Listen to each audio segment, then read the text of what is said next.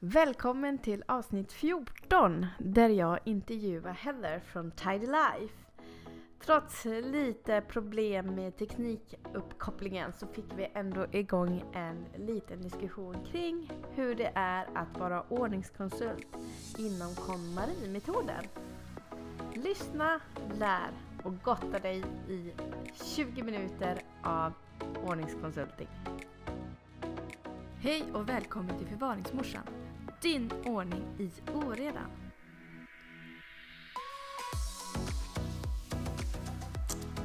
Alltså, det är alltid så fantastiskt med denna teknik. Will you try? and thank you. So. Um, ah. we will try now. I think you um, your video froze. I have no idea. Everything just said uh, that the live video ended, so. Yeah, I ended the video, so I will try to. I don't know if it's my internet or your internet that's not with us today. so, quick review. Can you tell something about yourself while we know each other and uh, what about what you're doing? Exactly. Okay. So, my name's Heather. I'm with Tidy Life here in Göteborg, Sweden. Um, I met you through the SBPO, uh, which is like the, the Swedish version of the organizing uh, uh, group. And uh, I'm a certified uh, KonMari consultant, and uh, here I am. and you are originally American that's moved here in Sweden about four years. exactly. Yeah. Exactly. Four years ago, moved to Sweden. Yes. Love it. Love the- it here. To the cold weather. No, I came from cold weather. So you came from weather, yes. No big shock. Yeah. And uh, I I have asked you a long time ago to to join here because I in some way I I do some handover of KonMari method and uh, when I met you when we had the meeting in the other uh, professional consultant I was uh, so surprised to hear about you and your your journey because the KonMari method is a very special education. You have a certificate that um, about how long have you been uh, practice uh, this um, how do you say the uh, education? Um, I took the first course in uh, the fall of 2019. I took it in New York City with uh, Marie Kondo and her team of educators. And uh, I think there were about 200 of us. And then um, I went through and had to do several practice clients. Uh, they're required for, for certification. Um, and the pandemic slowed things down a little bit. but uh, I was uh, certified in December of 2020, and I've been working with um, clients since then. So it's been a lot of fun. I really, really enjoy it. Yeah, and and it's uh, a very it's growing. I think just here in the north part of of um, Europe too. Ju- just like I. I take it Swedish, okej? Okay? eh, Netflix med KonMari och de har ju släppt en ny serie nu. Uh, so I think you will have some more when the pandemic is uh, slowing down. We will see that Yeah, uh, I people. so. I think I think her Netflix uh, show starts tomorrow. Yeah. the new one, and um, it should uh, it should bring more uh, awareness, I think, to Sweden because it seems like a lot of people that I've talked to have no idea who Marie Kondo is and have never heard of the KonMari method. But uh, it's it's really a process that she's developed over her lifetime, and it seems to work really well with uh, most clients. So um, it's just it's one of the tools that as an organizer you have to work with people and help them declutter and you know get rid of the things that are holding back holding them back in their lives so that they can be you know the person they want to be. Yes. And i think also in this pandemic that uh, many swedes have realized uh, that they have so much stuff and don't uh, and um, how to say doesn't know how to start and i think uh, KonMari is a very good uh, first step to, to declutter your house can, can you just mm-hmm. tell a tiny bit of what KonMari method is and what's the difference be between other methods Sure, sure. So it focuses on basically going through everything once, once and for all. But you start with um, the clothing category. And the reason you start there is because usually that's the easiest to make decisions about. And you're not looking for things to get rid of, you're looking for things that you want to keep. Um, as you'll hear her say it, things that spark joy for you. Yeah. And that's one of the things that can mean something different for everybody. Um, it could be that it just makes you really, um, really, really happy when you wear it, or it just um, it reminds you of a really. Therefore, it's it's a it's a good thing to hang on to. But there's there's five categories, uh, and she recommends going through them in order. Uh, clothing, books, papers, uh, komono, which is basically miscellaneous or everything else, and there's a lot of subcategories within komono. And then the final one is sentimental. And there's a good reason for leaving sentimental to last because it's usually the hardest for people to part with anything. Um, and as actually, as you get older in life, more and more of your belongings become sentimental. So that that's also something that you might need um, somebody kind of hold your hand as you go through these these items. Yeah, and it's for me, it's the part with komonos that's been a long way for me, personal. yeah, yeah. There's there's a lot to do. Yeah. I, I love komono. I love the subcategories. I like making sub subcategories out of things and yeah and you can make it very long and very small too yes so i want to ask you something about that you like in your organization um, how to say? Ett minne som du har, har väldigt starkt. A very uh, strong strong memory from from oh, something oh, when you was out. How do you say organizing? Um, i'd have to say that one of my best memories was working with a client who had lost her international driving license like years and years ago and she was desperate to find it because she hasn't been able to hadn't been able to drive for years and it would have meant going through the whole process all over again. Um, but as we were getting through the paper category, um, at the very, very end of the paper category, she found her driver's license. So she was just ex- so excited. oh, it was a long, long way in. yes. but it was nice. Then you can she good my English is not good today. Your English is, is just good. I, I haven't practiced in the whole summer, so that's why. So, but that is one of the final thing I think with the KonMari method because you are so categorized in your searching. So when you find it, you know where to put it, right? Exactly. So at the end, we go through and find a place to keep everything so that everything has a place. And if you, um, it's about implementing systems so that you can put things back where you can find it again. So it's easy to find and easy to put away, and therefore you shouldn't end up with a clutter problem again. Yeah, and then you're supposed to just make it through the years and just make this small changes so you know so you don't get over overwhelmed over decluttered i don't know say so that doesn't happen again?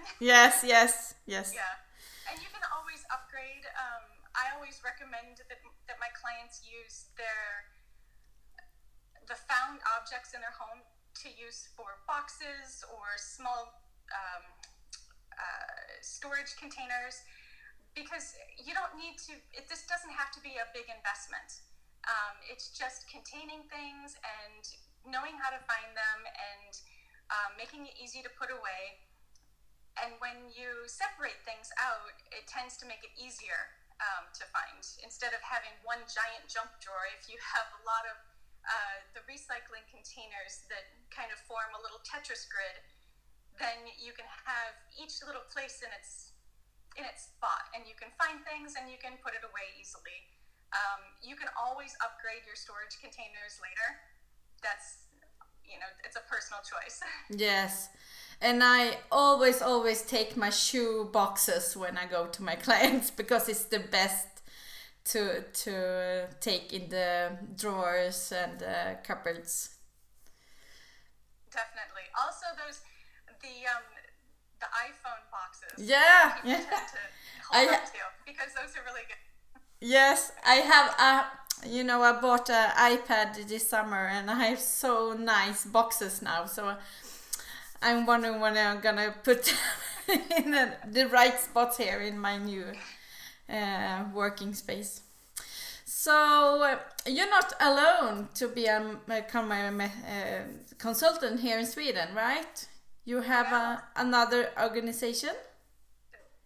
Uh, there's, uh, let's see, there's another KonMari consultant in Gothenburg, uh, and then there's, I think, two in Stockholm or in the Stockholm area. Um, there's one quite up, quite far up north, um, and, and, you know it's hard to keep track because there are new consultants uh, being certified every day. So it's quite possible there's even more. Um, but it's it's fantastic that it's growing as uh, a service, and um, you know I think uh, Sweden needs this service just as much as anywhere else. Uh, it's kind of like you know why would you hire a personal trainer? Uh, it's the same thing when you go to or, uh, hire a, per- a professional organizer or a KonMari consultant uh, it's somebody that can help you succeed at your goal. And we have the tools and the resources, and we provide that that missing link that has been preventing you from succeeding on your own, whether it's motivation, uh, encouragement, accountability, uh, time management, or just the structure in general. So I think it's it's really important to to let people know that they have somebody that can help them um, reach their goals. And that's one of the things that I, is one of my favorite parts to this business. yes, and and see the smile on the faces of the people when they get to find their driver license or or uh, just to to to free themselves and, and feel that they are very released, not in the clutter way, but inside themselves also. Definitely, they can release the the stuff that's been holding them back for all these years and uh, just let it go. Yes, let it go, let it go. let it go. yes, and um, I think also that um, just the fact that the KonMari method is growing, it's gonna be a more widely outspread here in Sweden too, I think. I hope so. I hope so. yes. Uh, before we go, I want you to share something that you want to some uh, free stuff to, to give to us before we end this live? Something that you want to bring to the audience? Hmm. Tricky question. Hmm. Um, I'm not. I'm not sure where to Um, maybe you can share something about um, how to start get organized.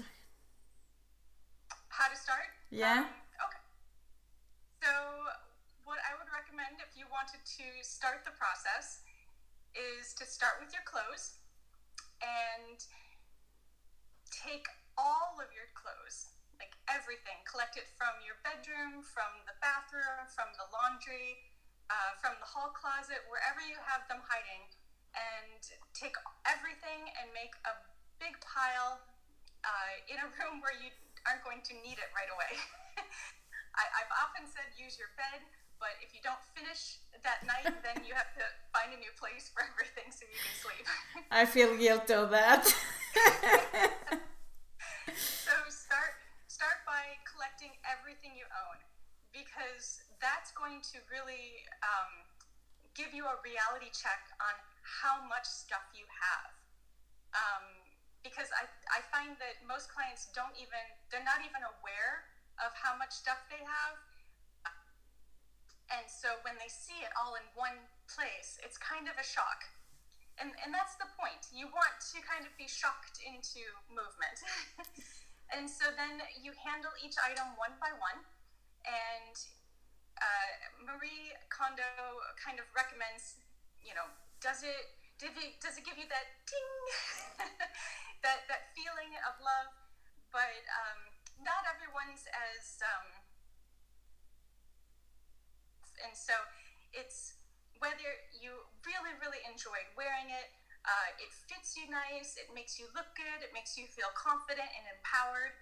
Um, so that's that's what you're looking for in your items. And if you're not sure what that feeling is like go through your pile and find your favorite item. Like maybe you have a favorite sweater. That's the feeling you want to replicate. You go through all of your items like that including socks and underwear and you know everything. Then once you have your keeps the rest becomes donate or uh, giveaway and oh, you could also sell things but that's a whole nother, a whole nother process and so when you're working on what to keep that's when you can put things back into your closet um, most things she recommends to fold, and there's a very specific process of folding so that she calls it file folding. So that when you see everything, it's standing up on end and you can see at a glance everything that you have. You don't have stacks of stacks of, of t shirt where you only see the top t shirt. This way, you can see everything that you have. It makes it easier to get dressed in the morning, it makes it easier to put things away. And that's basically the first category. The other tip is to make sure that you take the the discards and get them out of your house right away. Take them to be donated, or if you have something else in mind for it, so that and just taking up more space. So quickly as possible, so you don't you grew good yourself. so, uh, I want to end this live, Heather, and want to thank you so much. Arigato, as you say in Japan, because I I have um, was looking forward to do this. Sorry. Yes, and if anyone wants to find me, you can find me at tidylife.se. And uh, thank you so much for having me today, Emma. This is really lovely. Yes, and before we quit, I will say that you have a YouTube channel too. Yes, I do. Um, if you're, um, you can go in my bio, and there's a link tree, and that has the links to my website and my Facebook and my YouTube. Um, all the important links that you need to get in touch with me, you can find right there. And I will uh, tag you on this uh, IGTV after this also. Excellent. So thank you so much, Heather. This was awesome. Bye. Bye. I nästa avsnitt, som är avsnitt nummer 15, kommer jag att prata om hur du kan få ett hållbart hem med några enkla tips och råd för en enklare vardag. Det här kommer också vara från en live jag hade på Instagram. Och tills vi ses nästa gång, ha det gott!